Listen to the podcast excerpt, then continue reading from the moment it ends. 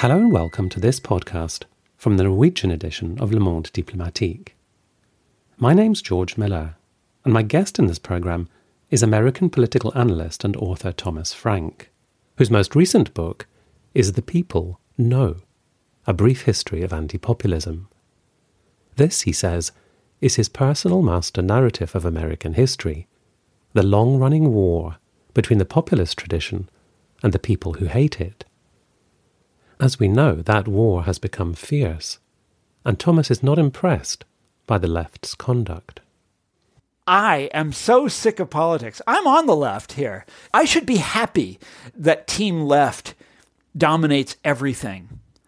But I'm not. There's no joy in this for me. There's no gratification in any of this. I mean, yeah, I'm glad that Trump lost you know but i'm glad of that because i'm an because i'm a i'm an american citizen and i have a family and i care about my country. So i'm i'm i'm pleased that he's left. But no i'm absolutely and utterly sick of this whole uh, the way the conversation has been going in this country and the way that the, the way that liberalism has been developing. It's not a kind of left that i'm really keen to be a part of. Thomas surveys the america biden inherits in this month's edition of Le Monde Diplomatique. In our conversation, recorded in early February, he also puts the US's current schisms in historical context. I began by remarking that, following the storming of the Capitol by Trump supporters in early January, there was widespread relief that Joe Biden's inauguration had passed off peacefully. But beyond that, and a sense of it being eerily quiet with Trump banned from Twitter, was it possible, I wondered, to say anything meaningful about the current mood of the country? I would say that it's become extremely difficult. But I mean, I can tell you about my own mood, which is exactly the word that you used relief that was exactly my feeling when Biden was sworn in. It's like, oh my God, I'm so glad to have that this is over and done with. You know, his presidency was disastrous in many different ways. The the larger thing is, what is America like anymore? The idea of trying to understand America, it's almost become a kind of impossible project. But one of the things that's made it impossible is, well, it's something I've been writing about in Le Monde Diplomatique, which is this, uh, you know, the decline of local news. So these a lot of these towns don't have newspapers newspapers anymore.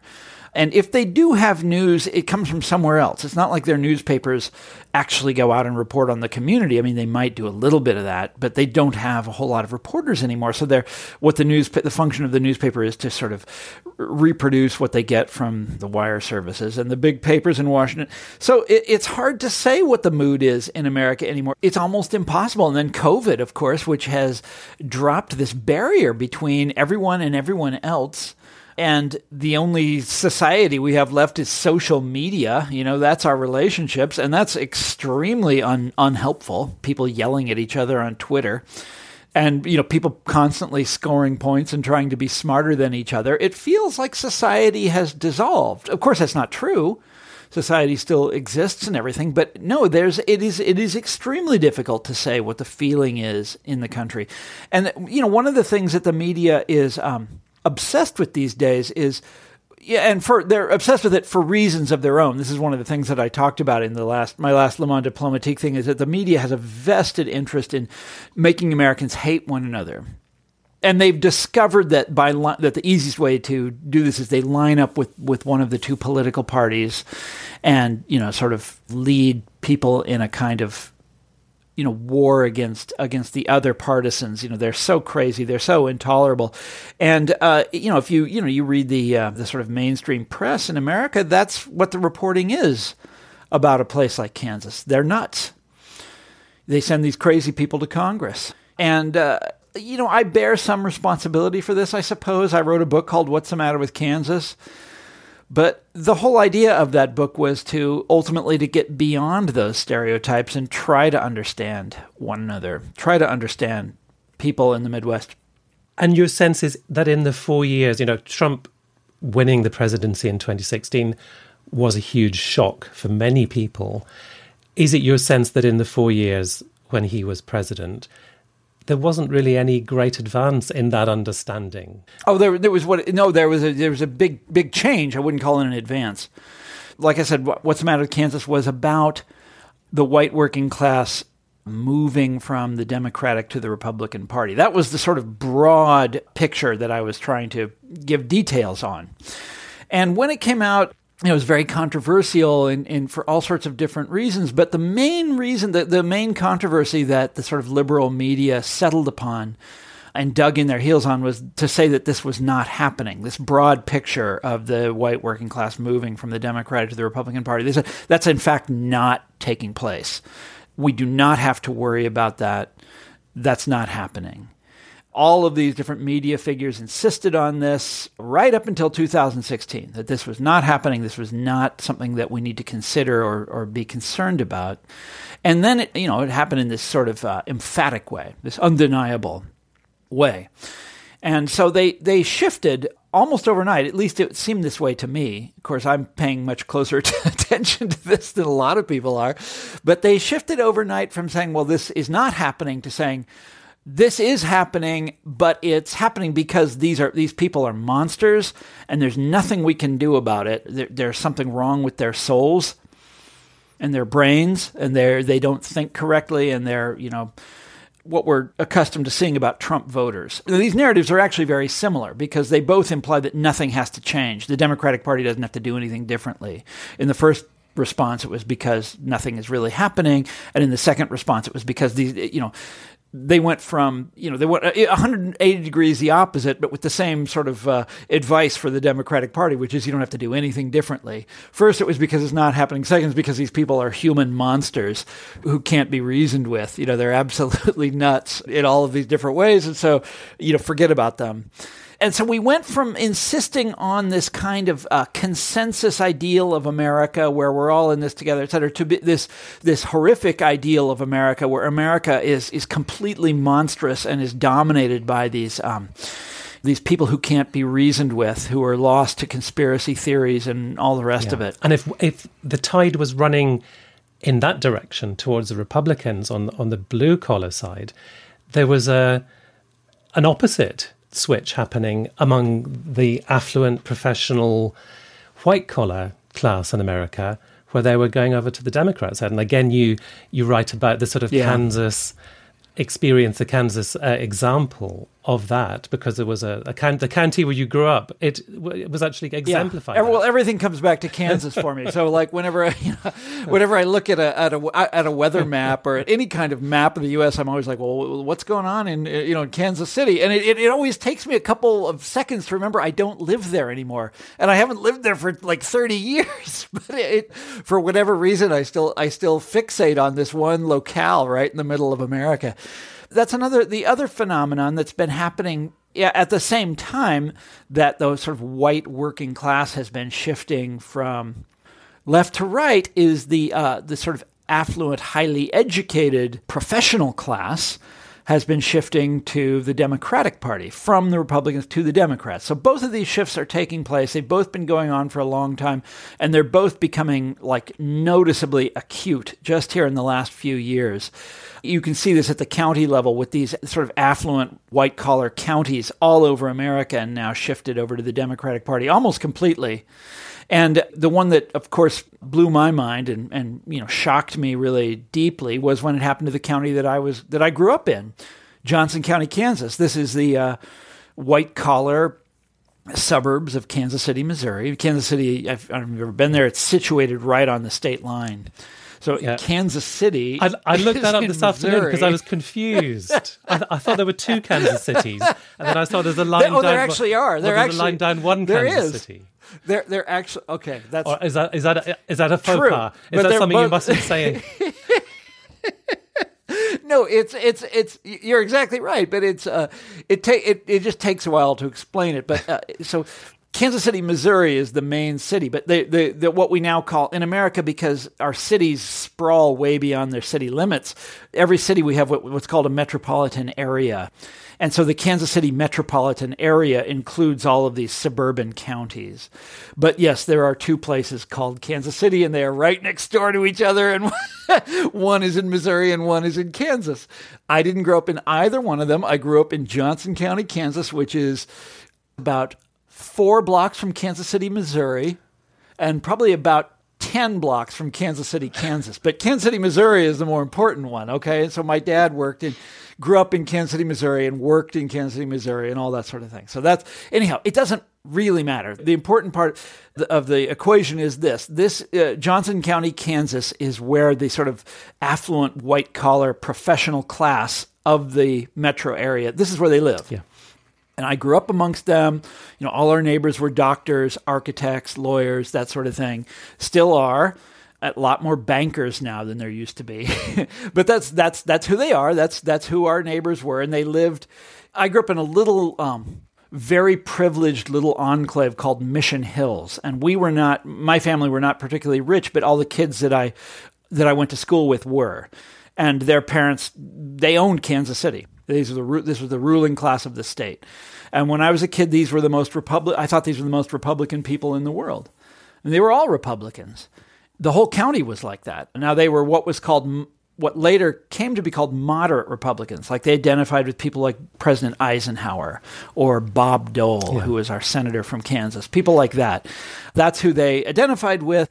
But they were in the local framework. They were you know emphatic. That's who they were. Republicans, the ruling class. And uh, I went back and looked at their uh, their record in voting on pre- in presidential elections, and they had voted Republican in every election going back to the year 1916. That was the last time they voted for a Democrat. And of course, back then Johnson County was was a farm county. There were there was no affluent white collar professional class in Johnson County. But they're there now, and anyhow, they voted for Joe Biden. Long story short, they voted for Joe Biden, and I went into the um, precinct records of the election, and Biden carried every single precinct in Mission Hills in this baronial neighborhood that I grew up in. That is an enormous shift. It's been slowly happening for a long time, of course. All of these shifts, they don't happen suddenly, but this is the tipping point. This is the shocking moment. It wasn't just Trump, in other words. Right. Trump is Trump pushed it over the edge, but this has been developing for a long time. So it happened in, in, in uh, 2016 in a lot of places. In 2016, another county that's often described as a bellwether in this regard is, is Orange County, California. This is the uh, affluent suburbs of Los Angeles, so it's to the south of Los Angeles. You know, this is where Richard Nixon is from. I believe Ronald Reagan had, you know, spent a lot of time. This is the John Birch Society is from there. You know, this is where Disneyland is, and this is a, again a very, very, very Republican place. And Hillary Clinton won it you know, this is this shocking moment. But anyhow, you can track this. It's been going on for decades but it's now reached a point where it has altered the sort of this very familiar landscape to me. But there's other ways of looking at this. For example, Biden raised more money than Trump, spent more money than Trump. He had all of the sort of, you know, the, the, the leading industries of the United States were on Biden's side. Wall Street, uh, Silicon Valley, Hollywood. It's the sort of retrograde grade industries where with Trump, like um, big oil, coal, you know, uh, casinos, big, big casinos. But the, with casinos, it actually wasn't the whole industry on Trump's side. It was just one guy. Do you know about this? Sheldon Adelson gave so much money to Trump that it's uh, that he basically, uh, you know, he counts as a, as a whole industry unto himself. You know, and then he died. Oh, he died right after the election. That. Yes, yeah. So it's that's going to put like one guy dying is going to. This is the state of American politics. It's going to put a huge dent in the Republican Party going forward. So this is a reversal of everything I grew up with, not just what's happened in Johnson County, Kansas, but the fact that when I was younger. If you wanted to understand American politics, the most important fact, the fact with a capital F, was that Republicans were the party of money Republicans were the party of business. Republicans were the party of the educated elite. And that has changed. Now it's like well, the way I the way I always put it when people ask is that basically there's two elites in America, and one elite is still with the Republicans, you know, your big oil types, but the elite that traces its status to education, to uh, credentials, that elite is entirely with the Democratic Party nowadays. Nonetheless, I think a lot of people on this side of the Atlantic were really surprised that Trump, in spite of everything we discovered about him, in spite of his handling of COVID, nonetheless managed to add 10 million votes to his total compared yes. to 2016. What do you see as explaining that? that was originally that was the main point of the article. That's what the article was going to be about. But so much stuff kept happening that that point got buried deeper and deeper and deeper until I think it was gone from the essay altogether. By the way, and this is fascinating election night in America, all of these really curious things happened. I don't mean, you know, what, what Trump's crazy fantasy about like that there was election fraud and they cheated him out of out of his win or something like that. What I mean is that he actually did quite well. He did better than everyone thought. This is a, has been by any measurement a disastrous presidency especially the last year. Up until uh, COVID, Trump basically had very few challenges and nothing, you know, he, he was a buffoon and an idiot and, and uh, you know, bad at governing and etc. But the economy was doing well and that sort of thing. You know, the unemployment was extremely low, you know, that sort of thing. But then all of a sudden COVID comes along and it's, it is an incredible disaster. And then you have, um, police killing, you know, these guys and you have the protests and Trump doesn't do anything you know, and he can't help with COVID and he can't help with this, you know, these protests that are going on. And it's just like by election day, it's catastrophic. This is a guy that should have been repudiated. This country has repudiated a lot of presidents. You know, I think of Carter. America loved Jimmy Carter at one point, and Carter even called himself a populist in 1976. But by, you know, 1980, this succession of disasters and humiliations, and this country was so psyched to get rid of him. Or you think of George Bush Jr. I mean, he was not up for reelection, obviously, in, in 2008. But oh my God, his approval ratings were so low. This country was so glad to see him gone and to bring Barack Obama in. Well, the same thing should have happened with Donald Trump. And it didn't. And that's absolutely fascinating. You know what what what the hell happened? And so uh, unfortunately you know we, we, were all of the sort of american pundit class was sitting around you know working on their theories about this. And then the next disaster happened. You know this, this crazy crowd of people ransacking the capitol. And i'm sure i'm forgetting oh yeah of course all of trump's lawsuits to try to overturn the election. There's all of this nuttiness going on. And so it, as a result the whole election you know, of 2020, we've basically never really come to grips with it. I mean, we will eventually, but it's you know, cast throw it in that category of all these things that we should be talking about, but that we aren't. But in addition to Trump doing remarkably well, uh, his support did not evaporate in a lot of these working class areas, and he did uh, remarkably well in a bunch of uh, in certain Latino areas. And I don't know why that is. I've, these are a lot of places I've never been to, like uh, in the very the southernmost part of Texas, along the Rio Grande River, uh, in you know parts of Florida. Uh, anyhow, all over the country. But I don't ha- I don't know what the explanation for that is.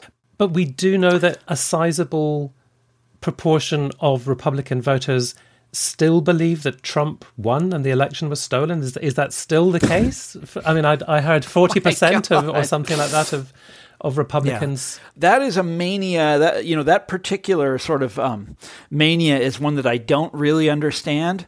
It speaks for a kind of mistrust of institutions that's beyond anything I've ever felt myself. I mean, I'm pretty cynical, and I you know you know, I, am very critical of, of institutions as well, but that's that's way beyond me. Now, there is one thing to, to remember, though, that with this particular um, delusion, as with so many of these delusions, it's bipartisan. There's Democrats thought the same thing with Hillary. Uh, they didn't think it was stolen. They thought that the Russians intervened to uh, to cheat her out of the election. And I don't just mean by buying ads on Facebook. You know, I mean by doing all sorts of other things. This is a you know, a delusion that is all over the place in America nowadays. And no, I don't really understand it, except for that, you know, we're encouraged to think that by the media. I don't really know the reason for that. But I do, uh, you know, I did write this article with a view to trying to understand why people would stick with Trump. And that absolutely fascinates me. When everything is telling you to, uh, the sort of usual political motives are telling you to ditch this guy, get a new president, somebody that that you know that can handle things, that can deliver vaccine, that can do something about COVID. You know, all of all of these sort of traditional explanations for why people vote the way they do. Why did people stick with Donald Trump? And one of the things that fascinates me is the sort of the way that I think that people were reacting to the opposition to Trump. People were voting against the anti Trump coalition, what I call the coalition of the aghast. And there's precedent for this. So the, the precedent that I talked about uh, in this essay, but also in, in my last book, in The People No, is you know there are times when the entire American elite has come together against a politician. We've seen that before in this country, and it's not a pretty sight.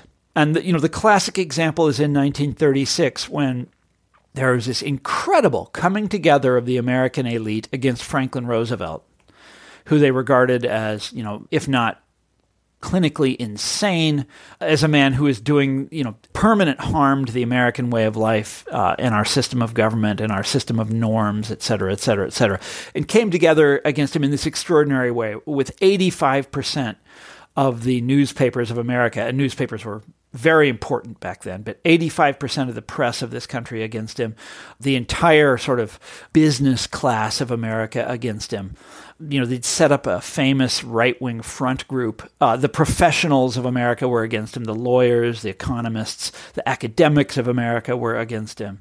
And they all came together to tell the public why they should despise Franklin Roosevelt, and it completely backfired. This is the fascinating one of the, the really fascinating lessons from that election in 1936. Roosevelt proceeded to, even though there was this incredible alliance against him, this incredible coming together of the elites against him. Uh, he won in one of the biggest, I think, the biggest landslide in American history. Overwhelmingly, he won every state except for Maine and Vermont. and uh, and someone did a, a study after the election was over and discovered that in cities where where uh, back then cities used to have more than one newspaper. This was pretty normal. In cities where none of the newspapers supported him, he actually did better than in cities where he had, like, say, one newspaper on his side. And so, what this indicated is that it was not just a, uh, people just voting for Roosevelt, who was enormously popular with the general public, but also voting against the newspapers, voting against this coming together of the elites. And I think you see something like that this time around. I mean, I've never seen in my lifetime, I've, except for in 2016, I've never seen a coming together of the elites like I have last year. Now, arguably Trump deserved it. Like I said, I'm part of that. I voted for Biden. I think Trump is is a was was a you know incompetent president, a disastrous president. But I think there's something about when you drive around in a rich neighborhood and you notice that everybody is, you know, everybody's on the same page with the Democratic candidate. Uh, you look at the newspapers of America; they're all on the same page with the Democratic candidate. The professions of America, they sort of the the lawyers, the doctors, the uh, university professors, the economists, etc., are all on the same page. They're all with the Democrat. Uh, I mentioned the news media, Hollywood, uh, Silicon Valley. You know, there's this incredible unanimity and that has a way of rubbing uh, of rubbing Americans the wrong way. This is a good way to piss Americans off. when they see that kind of unanimity at the top, it is loathsome, uh, and especially when you see of what that unanimity consisted. So to have to have the uh, the elite of America describe themselves as the resistance is is kind of uh, obnoxious for starters. But when the resistance includes the CIA which it did, right? And this is like the CIA basically became part of the opposition to Trump with all of these former CIA officials going on TV and serving as commentators and sort of kicking up this frenzy. It tells you something about what this coalition of the people on top, what what it, you know, this coalition of the aghast, what that coalition looks like. You mentioned um, Silicon Valley a moment ago, Thomas. Do you think banning Trump from Twitter and from Facebook, from cutting off access to Parler? Do you think those were steps that will ultimately backfire, fail to achieve what they were intended to achieve? They were short term, desperate measures, but actually long term, they might be counterproductive? Yeah, definitely. But the, the, let me just say, first of all, it, has been kind of a relief to not have him on Twitter. Eerily so quiet. Is that? yeah, exactly. But um, On the other hand, we're in this period now in America where social media is our society, where that is the conversation. And it is subject we're now discovering to the uh, to the whims of some corporate master that does not have to answer to the First Amendment and you have this Twitter and Facebook throwing their weight around and, and actually just, you know, uh, censoring people all over the place for sometimes for errors of fact, sometimes for views that they regard as reprehensible. And they, you know, whatever. But it's not, whatever the standards are, they're not applied universally across the board. You know, it's not like there's some national regime of fact checking here in America. People get things wrong. All the, I mean, for God's sakes, this is the home of the advertising industry. you know, it's a country that runs yes. on lies, you know, and lobbying and PR. And, right, exactly. You know, Forget, oh my lord. yeah, that's America, you know. To say that all of a sudden we're going to be like uh, checking people and, and, and determining whether they could have access to the mass media by whether they're telling the truth is just kind of ridiculous because the mass media runs on falsehood. You know, that's that's what it, that's what it is. Anyhow, uh, on the one hand, like I said, it, has been a relief to to not have Trump's braying nonsense in our in our ears all the time. On the other hand, this is extremely dangerous territory. To think that that a, a private company can basically cut off the microphone, can mute the president of the United States just because they feel like it. And by the way, they're not mute. There's all sorts of other people in the world that they're not muting. It's not like they have some universal standard that they're now applying to everyone or even to national leaders all around the world. They're, they're not. This is really dangerous. And when you see Democratic politicians, liberal politicians, basically lobbying these companies to silence their opponents, we are in very, very dangerous territory here of course, it, it's censorship, and everything in liberal land points towards censorship. I I remember um, when a friend of mine first got, as we say, canceled on Twitter. Very liberal person, by the way, someone who's pretty far to the left, uh, and it shocked me to see this happen to a really good person, a really well-meaning person, to have this sort of millions of people attacking her and mocking her and silencing her, basically that was shocking to me and i but i've since discovered that is the logic that's where we are in liberalism today that's what it's all about it proceeds by canceling and deplatforming and silencing and arguing about who should have control over the mute button and the, and also the way that our, our our media has effectively merged with the Democratic Party is also really really strange.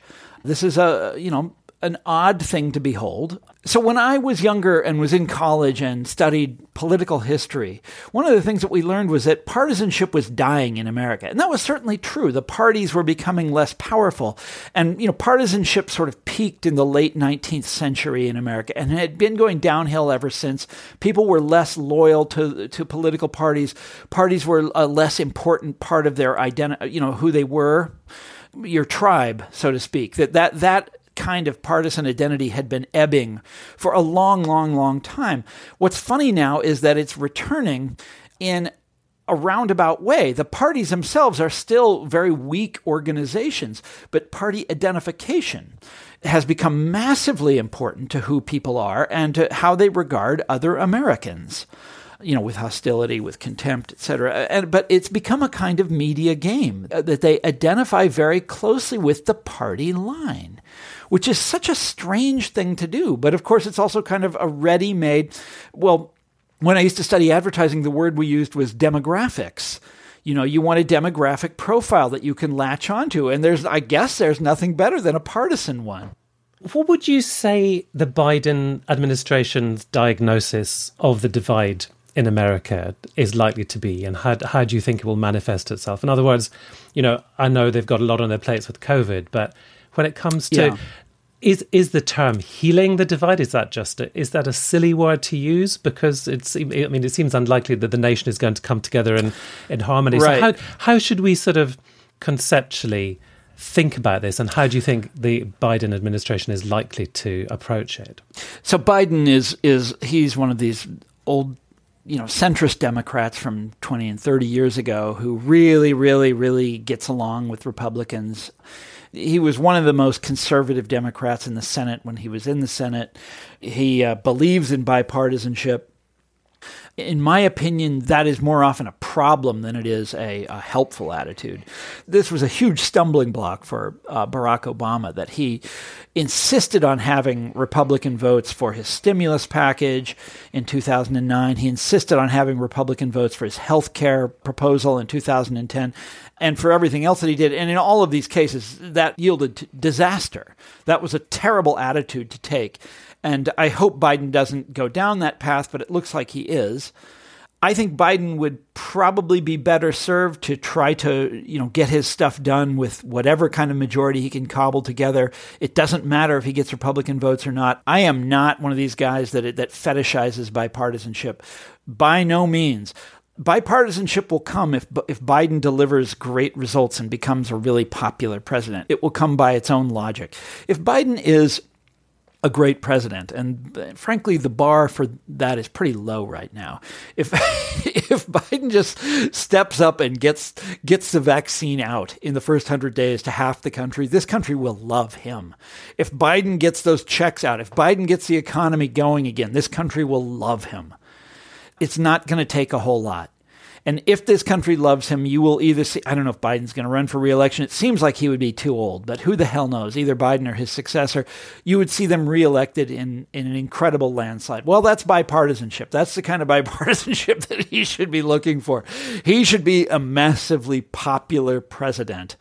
And look, the Republicans know this, and they know that if they can stop him from doing things, I mean, it's cynical, right? But this has always been their attitude to stop the Democrats from doing things that are popular, like delivering a good healthcare system, you know, good healthcare reform. If they can stop them from doing that, they can stop them from winning big majorities. It's that simple. So the thing is, you know, Biden has a majority right now. Use that majority, deliver great things to this country. This country will love you, Mr. Joe Biden. And you then you you know the, the problem takes care of itself. The thing is, legislate, get it done, deliver uh, and the problem will solve itself. I have to believe that. I think even in this in this dreadful age of partisanship, so much of what afflicts America right now is a product of the sort of COVID psychosis. That's that's not a good term for it because I think there actually is a a real COVID psychosis. But that whatever you want to call this, this disease that afflicts us with everybody uh, being inside all the time and nobody speaking to each other and everybody you know shut up in their apartments while they're watching their you know they're watching their way of life get destroyed and they're losing their business and they're losing their job and you know their relatives are sick and it's uh, this is a terrible terrible time and all we have is social media and this awful you know Fox News and CNN and this kind of thing yelling at us it's a dreadful dreadful time and I can't help but think that when COVID is done, that it'll it will at least help to burst the bubble. And look, we're we're going to come back, George, in a year, and you're going to talk to me again. You're going to be like, "Well, Tom Frank, you know, COVID is over and Americans seem to be as crazy as ever. And in fact, they're even crazier than they were before. What do you say now? And then I'll say to you, George, the problems seem to be much more deep seated than I thought they were. But look, I have to be optimistic. I love this country and I love the people who live in it. Americans are the greatest people in the world and, and the most democratic people and I, I, have a certain amount of, by the way, this is the populist in me. This is the classic yeah real American definition of populism. I really do love the American people, and I think that they are essentially good people and will will overcome this given the right circumstances. It's just we live in this dreadful climate now. We yell at each other constantly. Elderly friends of mine, people I know, let's put it that way. In this time of COVID, have been drawn like people that never gave a damn about politics before are now like following Sean Hannity or alternately following what's his face on CNN. These are these are there's two people I know. One of them has gone down the Fox News hole and the other has gone down the CNN hole. And and they're both in these little political universes these these universes of politics redefined as entertainment where it's like their entire worldview and they they mistrust and fear and hate the other side. And I'm watching both of these guys go down this hole and it's like what the hell is happening to us And I have to think at the end of the day that this is only happening because we're all we're a nation of shut-ins now, basically. Let me I'm sorry to circle back to Trump for my final question, Thomas, but I'm I'm going to do it nonetheless because he's facing a second impeachment.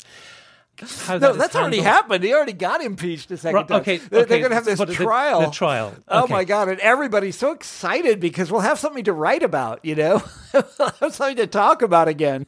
Is how that is handled going to affect how the country sort of processes and moves on? Do you think is it really important, or or is it a sideshow?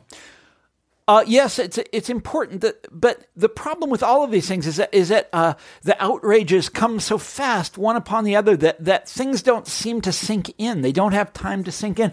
Like we were talking about a minute ago, we were talking about the election results. Well, that's much more important than these idiots who stormed the Capitol. I mean, not that's not unimportant. Those idiots storming the Capitol is important, and we need to investigate that, and et cetera, et cetera.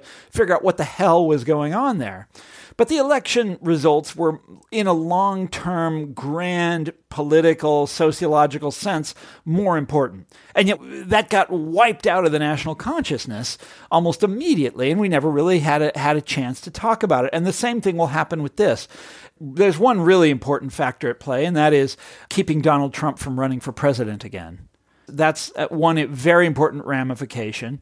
But another one is we do need to have this issue out in the open. Like, what the hell is going on with these people denying, you know, denying the election results and living in this fantasy world?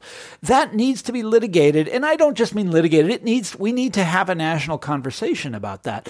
Unfortunately, that, that is a, a conversation implies people talking from both sides and having a rational discussion and et cetera and et cetera. And that's not really possible. And it implies a it ah. implies a forum and in which to have the conversation. And as you've been saying, social media right. polarized, and it implies getting the facts out yeah. in, in, an objective, you know, in an objective way. Uh, and we simply are. Uh, there are so many ways of short circuiting that now that it just seems impossible to do something like that anymore. I was talking to Thomas Frank about his article on Biden's America which is in the February 2021 edition of Le Monde Diplomatique. The latest edition of the paper is available to our subscribers and also on sale on newsstands across Norway and Denmark. Subscribers can also access it and a complete archive of the paper online at www.lmd.no. If you're not yet a subscriber, there's plenty of open access content online to entice you to become one. In the words of John Berger, why read LMD? To make sense of what's happening in the world behind the misinformation. I hope you'll join me again next month for another interview with one of our contributors. Until then, thank you very much for listening, and goodbye.